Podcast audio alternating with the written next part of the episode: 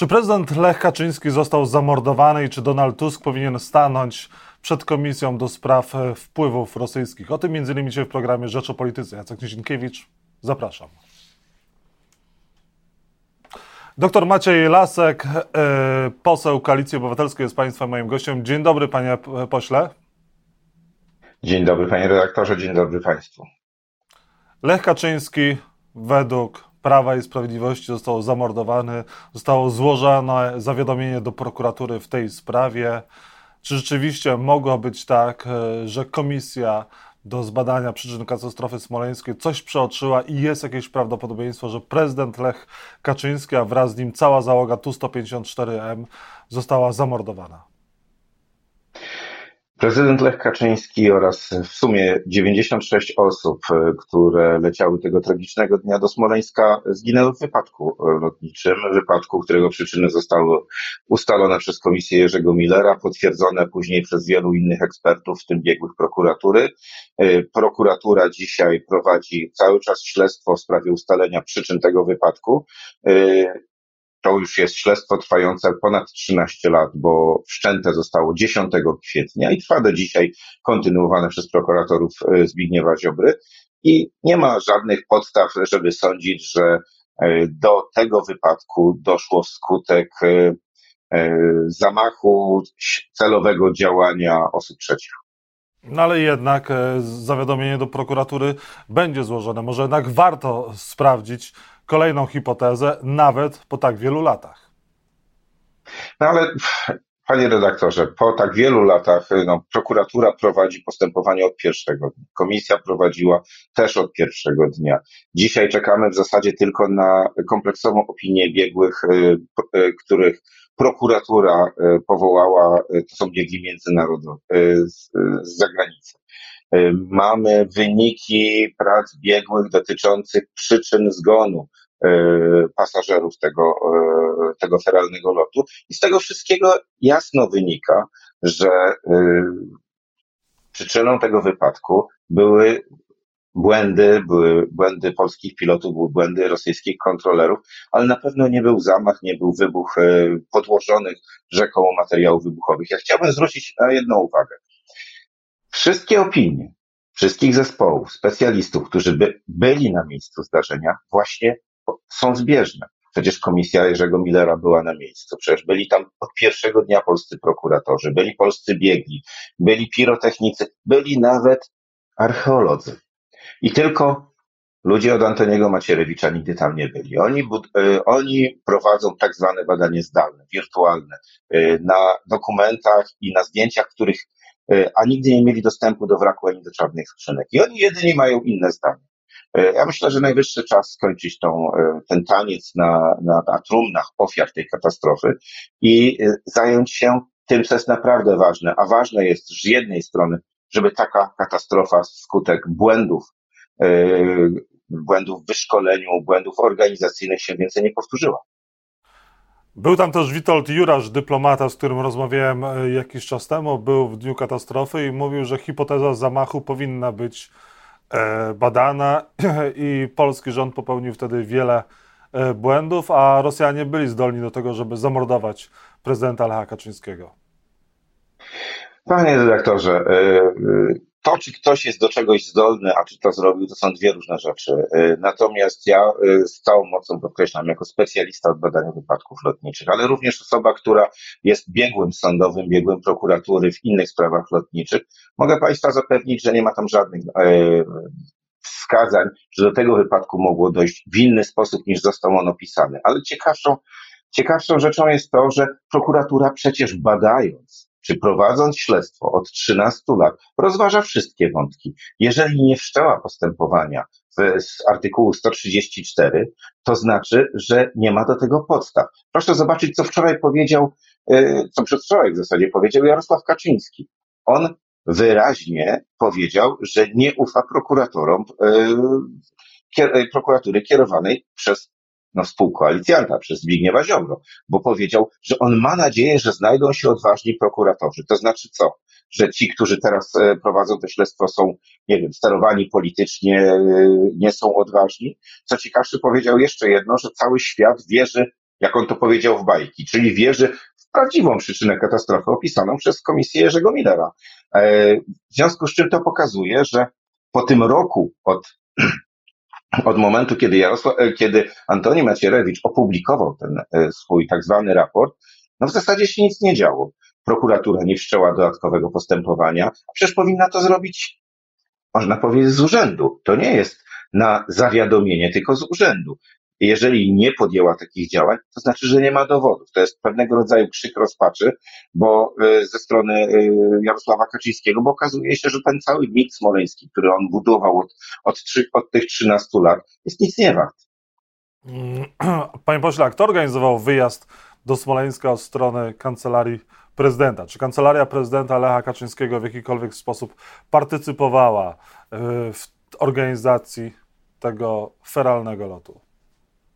Oczywiście kancelaria prezydenta wskazała, gdzie chce lecieć, czym chce lecieć, kiedy chce lecieć y, i kogo zabiera na pokład i, i jeszcze jaki bagaż. Y, to jest, to, to są, znaczy od tego się zaczyna, czyli dysponentem lotu jest kancelaria prezydenta.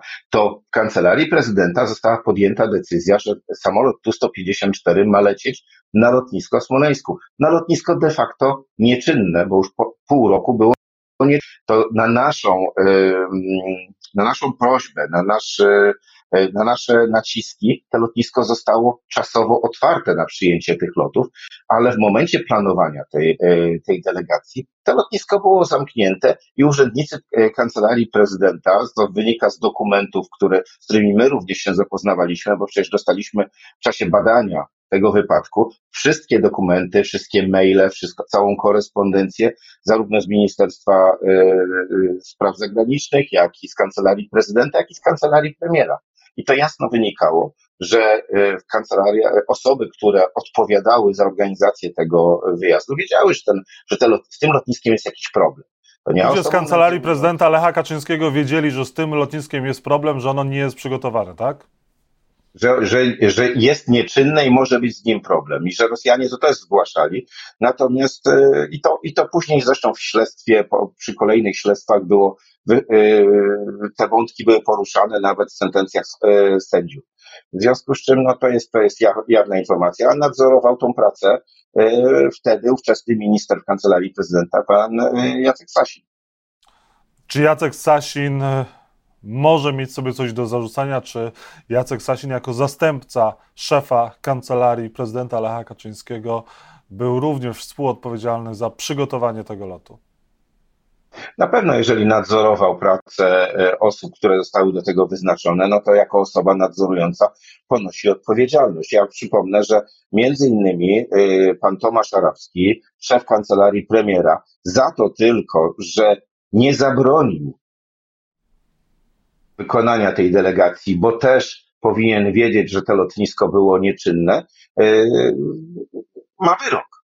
No to więc osoba, która e, organizuje delegację, która zamierza e, wysłać tam dziewięćdziesiąt kilka osób, no też powinna ponieść odpowiedzialność. To jest, to jest zupełnie zrozumiałe. Według pana Jacek Sasin powinien ponieść odpowiedzialność? Znaczy myślę, że to jest sprawa dla sądu. No jeżeli y, będziemy kiedykolwiek badać jeszcze odpowiedzialność organizacyjną za przygotowanie tego, y, tej, tej delegacji, to po wszystkie wątki powinny zostać y, przeanalizowane, ale mówimy o już postępowaniu karnym. Natomiast ja chciałem zwrócić uwagę na jedno. Dzisiaj nie może być tak, że można sobie powiedzieć, że gdzieś chcemy lecieć, prawda, i, i nie analizować tego. Z jednej strony pre, y, kancelaria prezydenta chciała, żeby samolot wylądował y, tego dnia w, y, w Smoleńsku, bo tam były te najbliższe, najbliższe, najbliższe lotnisko do, y, do Katynia.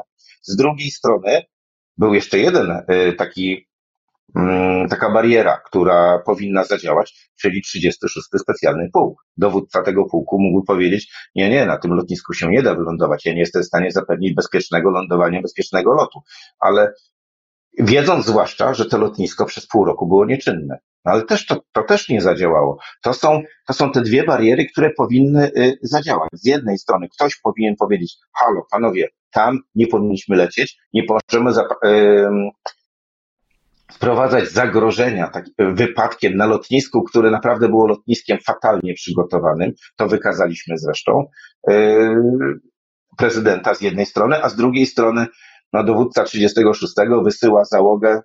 Już nie wspomnę, że z czterech członków załogi tylko jedna miała prawidłowo nadane i ważne uprawnienia do lotu. No, to jest e, naprawdę e, splot takich e, zdarzeń, no, musi prowadzić do tragedii. I na koniec została powołana komisja sejmowa do badania wpływów rosyjskich w Polsce. Czego pan po tej komisji się spodziewa i czy dobrze, że ona powstała? Ja nie sądzę, żeby ona powstała tak naprawdę, bo została na razie przegłosowana ustawa. W tej chwili ta ustawa trafi do e, Senatu, potem wróci pewnie z uwagami lub z wnioskiem o jego odrzucenia. Na końcu będziemy mieli jeszcze pana prezydenta. I ja nie sądzę, a przynajmniej y, mam ciągle taką nadzieję, że pan prezydent nie podpisze ustawy jawnie niezgodnej z wieloma przepisami polskiej konstytucji. Bo ja przypomnę, że ta ustawa o tym badaniu y, wpływów rosyjskich to jest ustawa no, jawnie przypominająca ustawę, znaczy no, tą ustawę McCarthy'ego, czyli te czasy, kiedy w Stanach Zjednoczonych było polowanie w 50-54 roku, polowanie na czarownicę i to było tak naprawdę polowanie na przeciwników politycznych. Yy, tym ma być ta komisja, tym ma być ta komisja do spraw badania wpływów rosyjskich, takim polowaniem przedwyborczym na czarownicę według pana? Ależ, ależ oczywiście, no jeżeli ona powstała teraz, jeżeli łamie dwuinstancyjność, nie ma odwołania od jej, e, od jej yy, nie wiem nawet czego, bo ona ma rozprawy rzekomo prowadzić, a, a przecież nie jest sądem. E, ma mocniejsze uprawnienia często niż e, władza sądownicza w Polsce i jest obsadzana przez polityków wybieranych przez większość e, sejmową, no to to jest ewidentnie narzędzie do walki politycznej i walki wyborczej. Donald Tusk przed tą komisją stanie przed wyborami, myśli pan? Po pierwsze, zastanówmy się nad tym, czy, znaczy musimy zobaczyć, czy ta komisja powstanie. Przecież te osoby, które zostały tam wyznaczone, będą musiały dostać do, e, dopuszczenie do, e, do poziomu ściśle tajne. Takie e, dopuszczenie do poziomu ściśle tajne trwa, takie sprawdzenie. No, w ustawie jest zakreślony termin miesiąca, czyli załóżmy, że ta komisja, jeżeli by miała powstać, jeżeli prezydent popełni ten błąd i podpisze tę ustawę, to no to co? No to powstanie najwcześniej w lipcu, prawda? W połowie lipca prawdopodobnie. E, czy Donald Tusk tam stanie? No to moim zdaniem jest to ciało bezprawne. To przed każdym sądem w przyszłości będzie można wykazać, że e, działania tej komisji, działania osób tam zasiadających, mimo wpisanej bezkarności, bo, to, bo, bo nam w tej ustawie wpisano bezkarność osób, które zasiadają w tej komisji, e, da się Doktor Maciej Lasek, poseł Koalicji Obywatelskiej, był Państwa moim gościem. Bardzo dziękuję za rozmowę. Bardzo dziękuję. Do widzenia.